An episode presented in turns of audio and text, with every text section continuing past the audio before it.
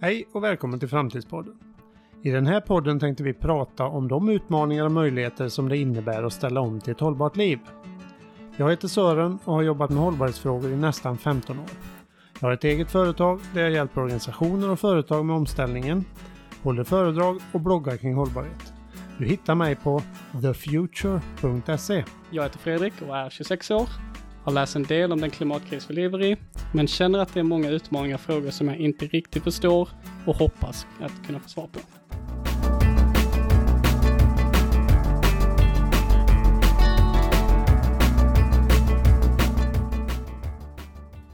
Du frågade mig igår om det här med klimatkompensation och sånt. Jag tänkte, ska vi snacka lite om det idag? Det låter bra tycker jag. Det låter jättebra. Ehm, kan du mycket om det eller? Du har sett det? Ja, alltså jag har ju, det jag har sett är ju så här, till exempel på Facebook, har jag sett så här till exempel att SAS gör ju sin klimatkompensation eh, när, man, när man ska flyga och så. Um, och lite olika sådana transportföretag och sånt, men jag har inte sett mycket, mycket mer än det. Och det är ofta så här väl, eh, plantera träd och lite, lite sånt. Mm, mm. Eh, jag, jag tänkte...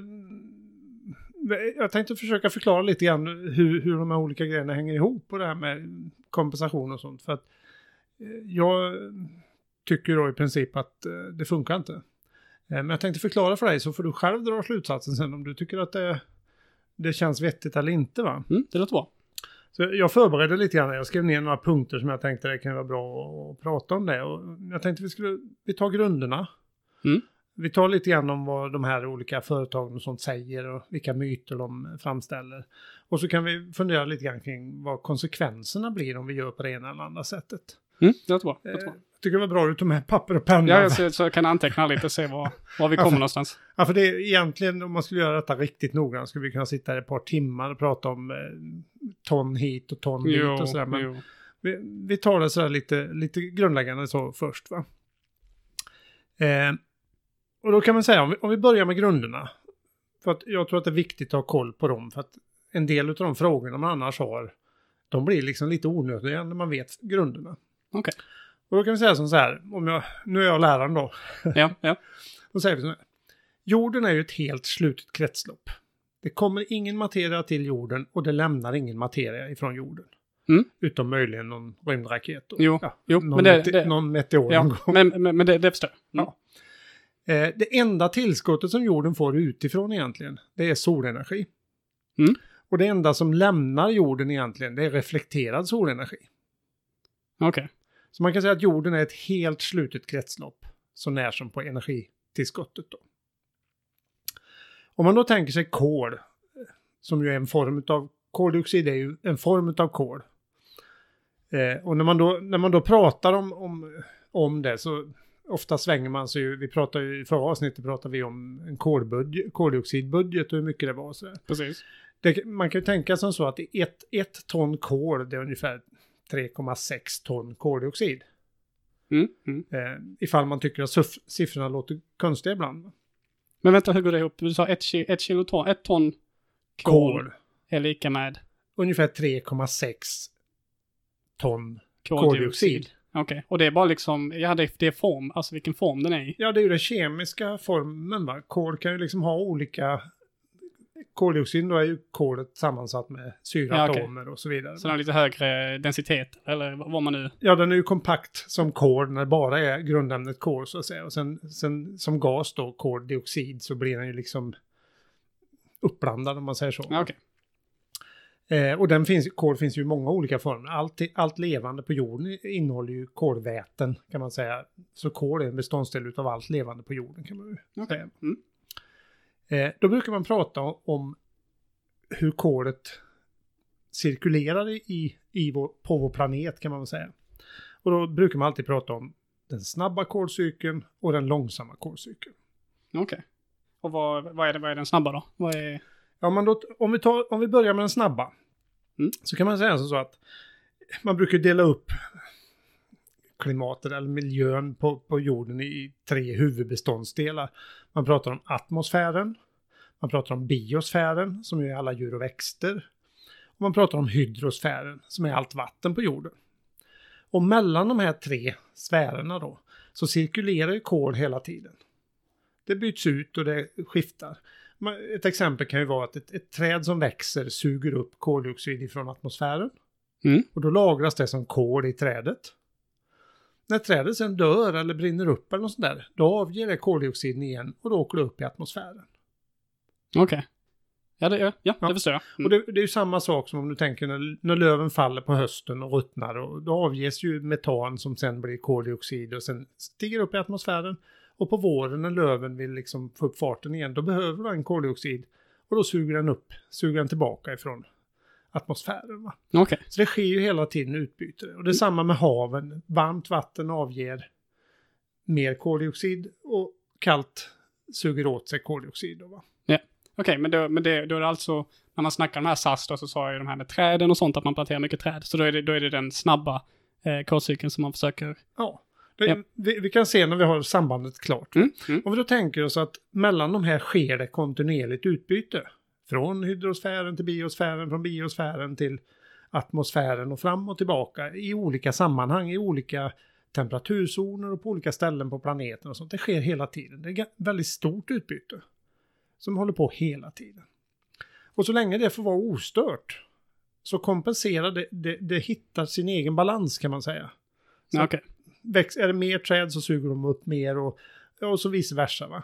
Så att det är konstant det som finns i det i, mellan de tre sfärerna om man säger så. Va? Mm, mm. Det är den snabba Det kursen. är snabba. Och man kan säga att cirkulationshastigheten i den, det är ju allt ifrån, det kan ju vara liksom, om du tar en årstid då, om du tänker på löven, Ja. eh, upp till kanske några hundra år. Som det liksom lagras upp lite mer på ett ställe och sen eh, på hundra år sipprar det tillbaka till något annat och sådär. Ja, okej. Så tidsskalan där är kanske från en årstid eller något sånt där upp till några hundra år kanske. Ja. Men hela tiden i balans. Om vi då tar den här snabba kolcykeln. Om vi tar den för, för att göra det synligt. Om du tänker att du tar den och så lägger vi den i en balja. Okej, ja, en balja. Ja. Ja. Du ritar en balja. Okej, vänta, vänta lite, jag ska bara rita den här. Så, en fin liten 3D-balja där. Ja. Eftersom detta är konstant så kan man säga att i den här finns de här tre sfärerna. Och den snurrar, vattnet, eller innehållet i den här baljan, vi kan säga att det är vatten. Ja. Det snurrar hela tiden. Och då, det, det är snabba. Det, Ja, det är okej. det snabba. Mm. Och det snurrar, snurrar ju runt där hela tiden i baljan. Ingenting konstigt händer ju. Nej, nej. Utan de balanserar ut sig Ja. självt. Vänta lite nu, snurra, snurra runt. Vad är det som gör att det snurrar? Ja, just det, det är själva Kretsloppet. kretsloppet. Mm, mm. byter plats i Som man har de lite, en, olika- en, som en propeller eller någonting som sitter och, som sitter och Snurrar snurrar. runt Ja, lite. ja. Då, då har du koll på den snabba kolcykeln. Mm. Då tar vi den långsamma kolcykeln. Om du då tänker dig att nere i, nere i jordens skorpa eller nere i jorden så finns ju till exempel fossila bränslen. Och det är ju kol som då är lagrad. Det är ju dels kol, olja, gas. Finns ju lagrat nere i jordskorpan eller nere i, i innanmätet på planeten kan man säga. Mm. Det har ju legat där väldigt, väldigt länge. Hur, hur, hur länge då? Eller, Ja, om du tänker, man, det läste man ju om i skolan, hur oljan bildades. Va? Det var djur och växtdelar som Ja. under lång tid, miljoner år Ja, okej. pressades. Det är väldigt gammalt. Ja, det, det är jättelång tid. Va? Vi pratar Mm. miljoner år. Va? Okej. Det, det är riktigt, riktigt gammalt. Ligger lagrat där nere. Och normalt så ligger det ju still där. Det enda sättet att det skulle komma upp och liksom hamna i baljan, det är ju vulkanutbrott till exempel. Mm. När det liksom, då kommer det ju från innanmätet på planeten och så. där. Det, händer ju, det har ju hänt jättestora vulkanutbrott genom jordens hela livslängd kan man säga, men det är ju inte jättevanligt ändå. Nej. Men då, då, då får jag bara säga punkt här. Då gissar jag ju på att det möjligtvis är vi som pumpar upp olja då som är, kan vara en... Just precis. Om du då till den här baljan tänker att vi, vi kopplar nerifrån planeten upp ett rör och så sätter du en kran till baljan. Vänta lite, jag ska bara rita min lilla fina här. Och då kan du tänka dig att det vi har gjort är att vi har, vi har kopplat in den här kranen ner till de här fossila bränslena. Mm. Och ju mer vi öppnar på den kranen, ju mer vatten eller kol då rinner det ut i baljan. Det fyller ju på baljan. Ja, okej, så, så exakt, så då det, det, det, vattennivån stiger. andra- stiger ju vattennivån där. Samtidigt så är det som så, eftersom vi sa tidigare att det har tagit flera miljoner år för den här oljan och kolet och gasen att bindas nere i planetens inre. Så det finns ju ett litet hål i botten på den här baljan va. För sakta, sakta så bildas det ju tillbaka ner i planeten också. Ja, okej. Så vänta, jag ska bara rita ett litet hål där. Ja. Så det sipprar ut liksom lite. av- Sipprar ut ner, av vattnet här. ner Mm. då, va. Och då kan man säga att om man då tittar på tidsskalan för detta, hur snabbt detta går, så kan man säga att kranen öppnar vi ju. Vi släpper ut vattnet, det sker ju omedelbart. Mm. Vi gör åt, vad är det, 100 miljoner fat olja om dagen idag. Va? Det kommer otroligt mycket kol den vägen upp. Va?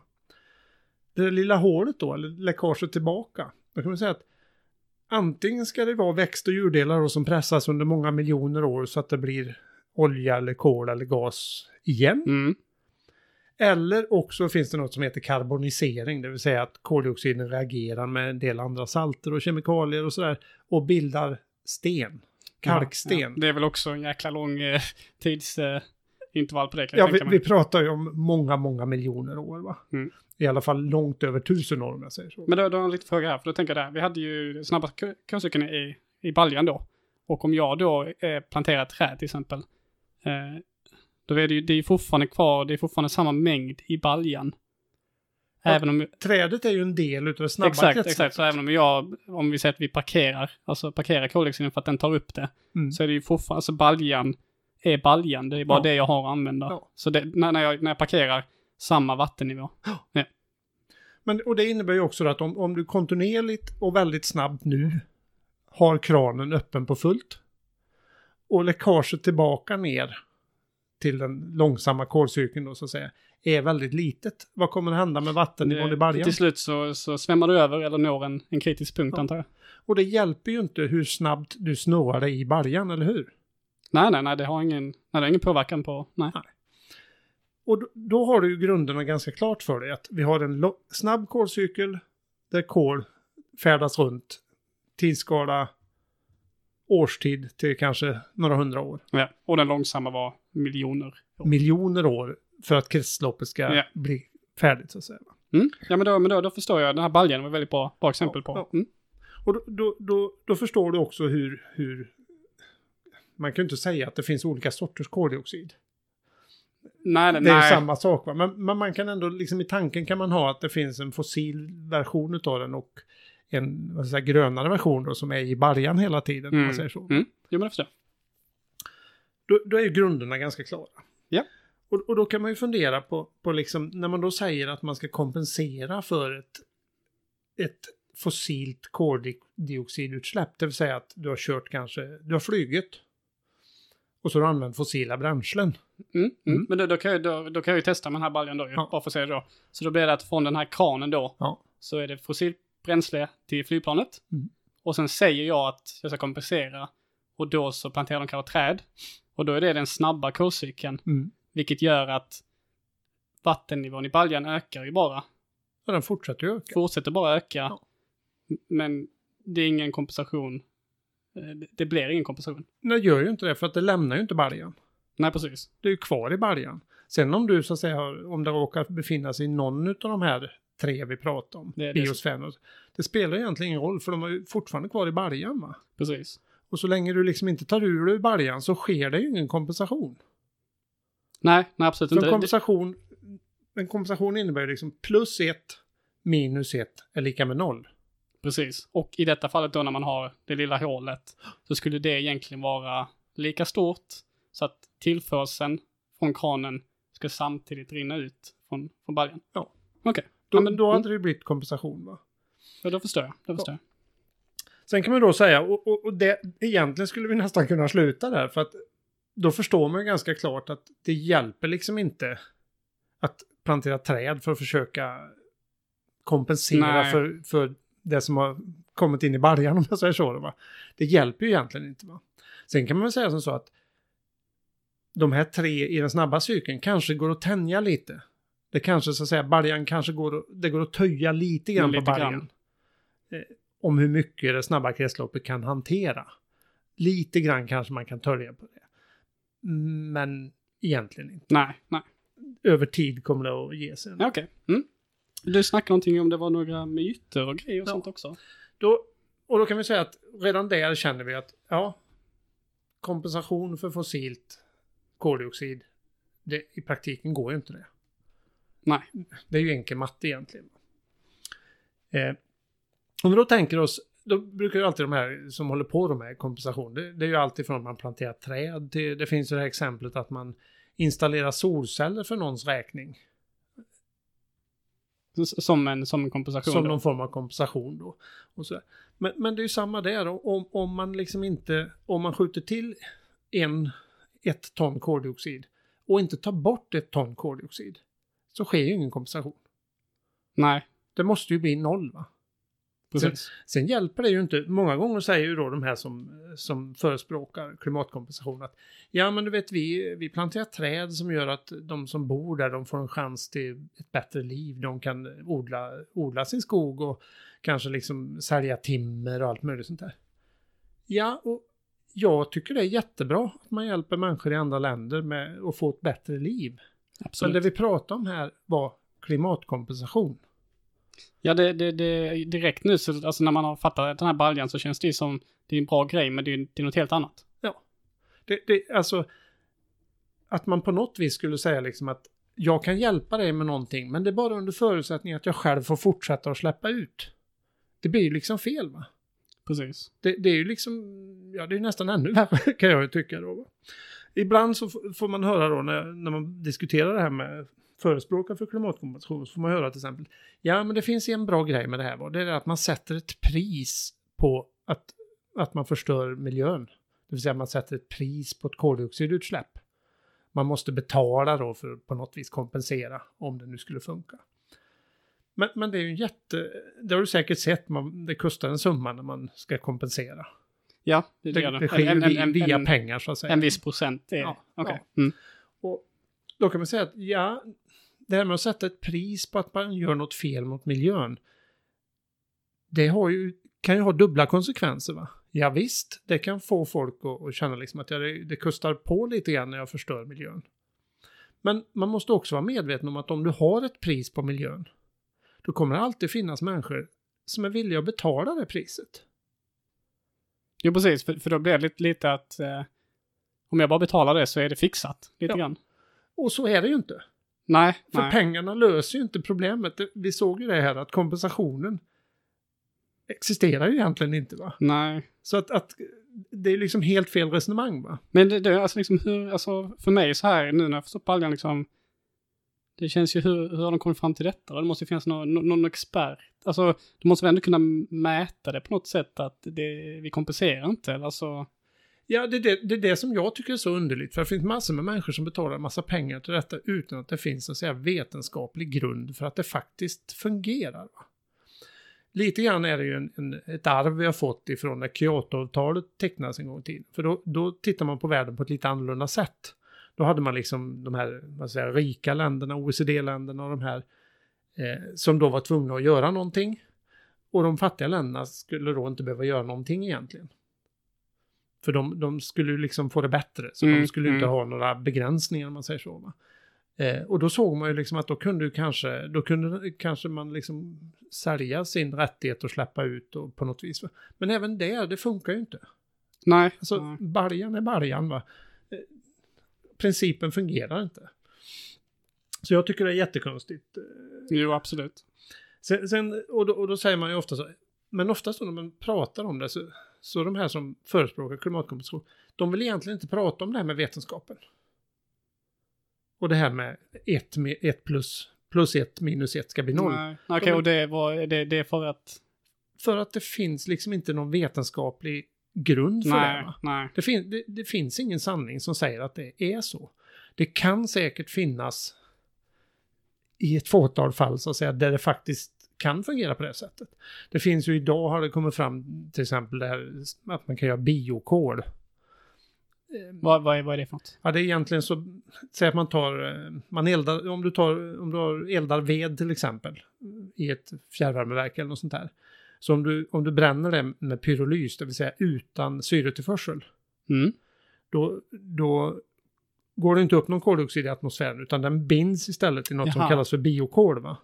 Och Okej. Det biokolet kan man sen gräva ner i marken. Det är bra som jordförbättring för det är ju kol i princip. Va? Mm. Och det är bra som jordförbättring. Det finns ju inga jättestora industriella lösningar på det än. Det kommer, så, man håller Ja, man på att titta på att det. det, det, låter ju, det låter ju Det- lovande det till kan, en det viss kan grad. göra en viss nytta i alla fall. Va?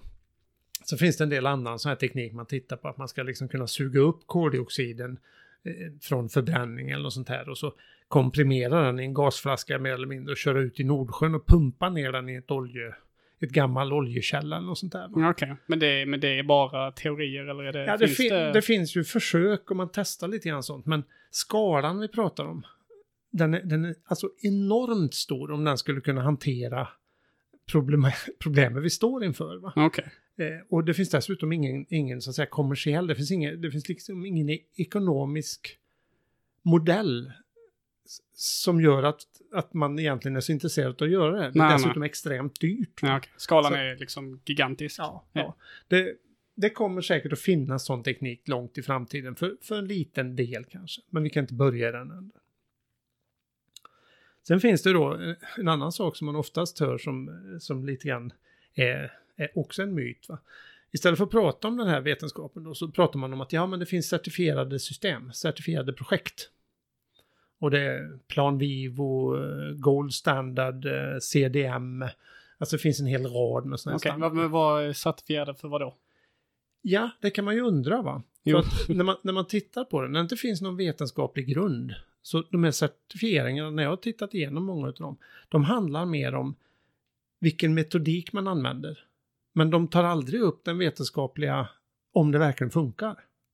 Ja, det låter ju låter väldigt konstigt. Ja, det, det är jätteunderligt. Och, och dessutom är det som så att den som då gör upp reglerna för certifieringen, det är ju samma företag som säljer kompensationen. Jaha, man börjar se lite, kanske något mönster där lite. Ja, det, det är en, man kan säga att det är en kvalitetssäkring utav något. Det är bara att nyttan med Mm. själva grejen finns ingen kvalitetssäkring kring. För hade den funnits då hade det varit en annan sak. Va? Mm. Det, det känns lite som att det är alltså, lite mer av en, en image också va? Om du, om du kan certifiera ett projekt så det, det, det väger högre kanske. ha Så en kan sån, det vara. sån- Och man kan säga att om, låt säga att du ska göra en skogsplantering. Så precis som vi sa förut, om du, om du liksom planterar träd så suger du upp kol under en viss tid.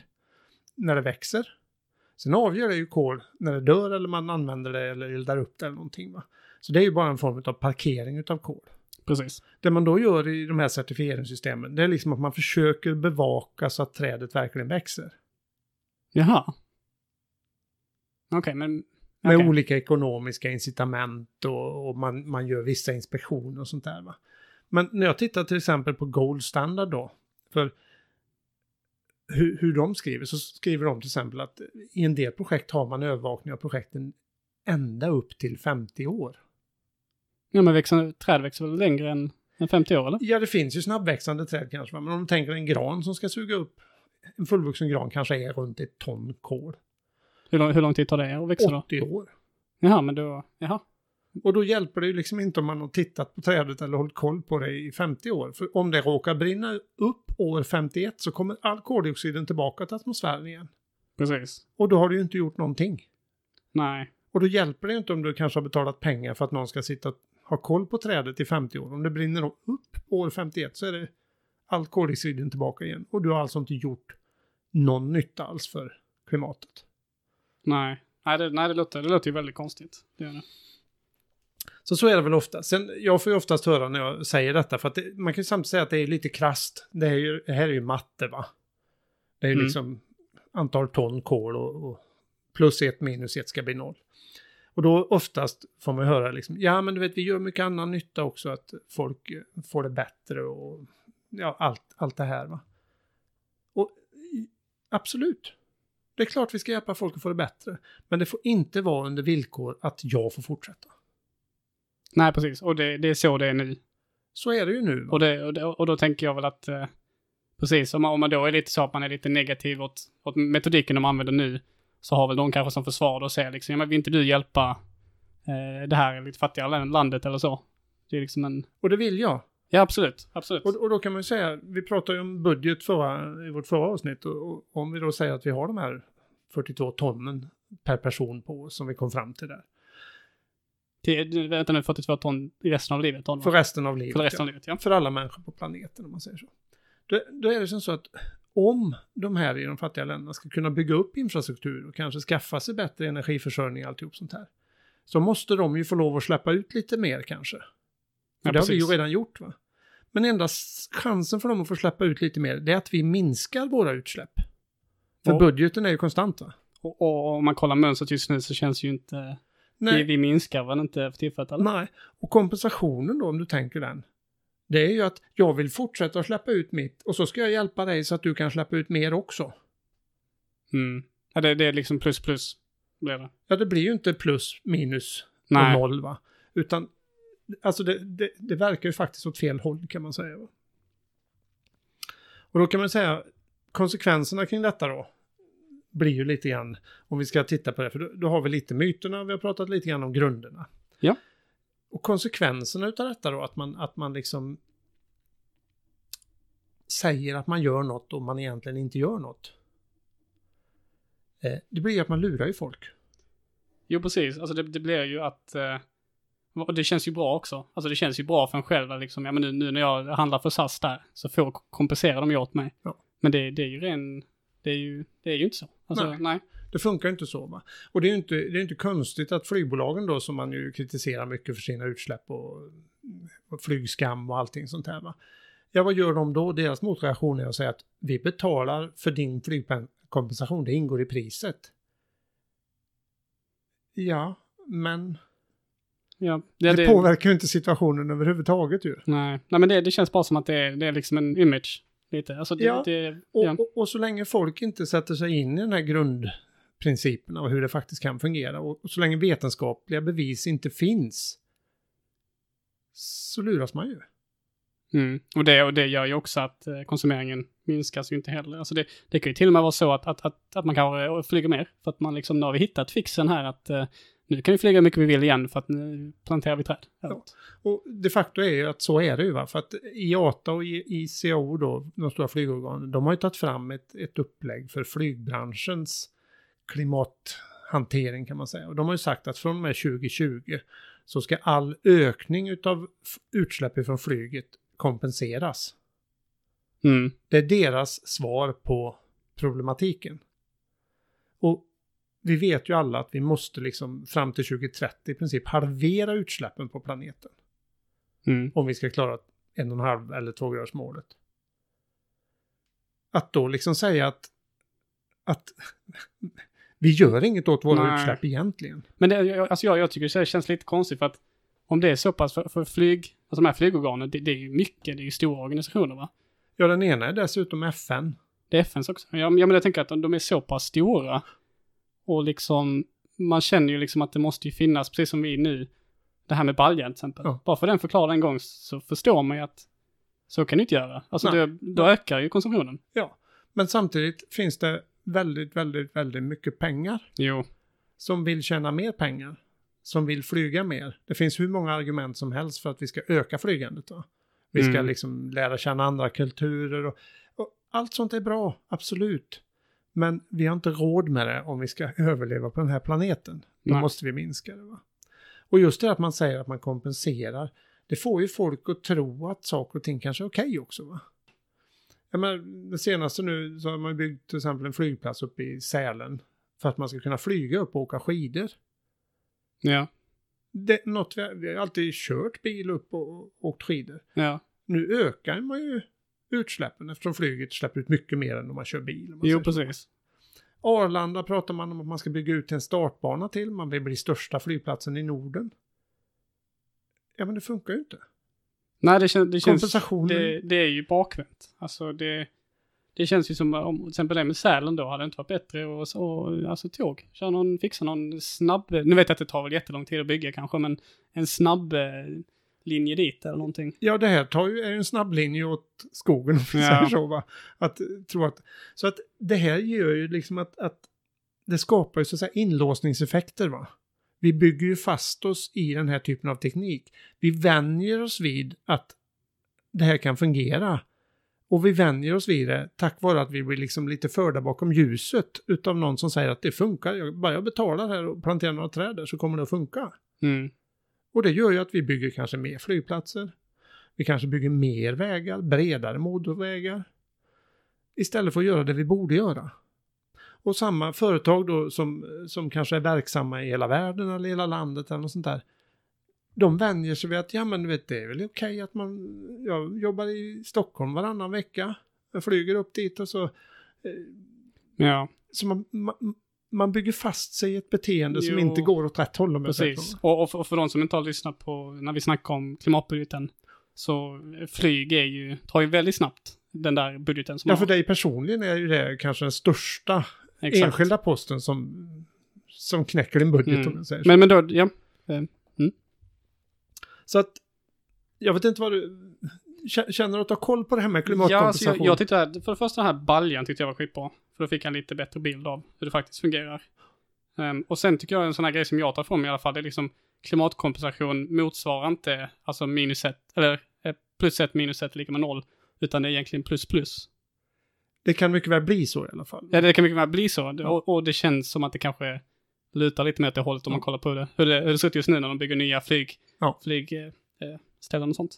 Men eh, absolut, jag har fått en, jag känner att det, jag jag kan, Du, du har koll på det här med kompensation nu. det, det känns Vi, ju, vi skulle kunna prata jättemycket mer om Jo. detta, men det finns många detaljer och säkert många, många frågor kring detta. Men jag tycker, då kan vi samla på oss dem så kan vi ta något inlägg eller göra någon Mm, podd lite mm. senare någon gång. När och, och, och de som vill läsa lite mer om klimatkompensation så har du väl några artiklar om det också va? du har skrivit, jag tror jag har skrivit tre sådana Ja, ja. bloggartiklar på min hemsida Ja. det, där du kan verkligen få grunden och du kan få alla siffrorna också om du vill, om du vill nörda till det lite så att Mm. säga och, och kunna ännu mer om det. Va?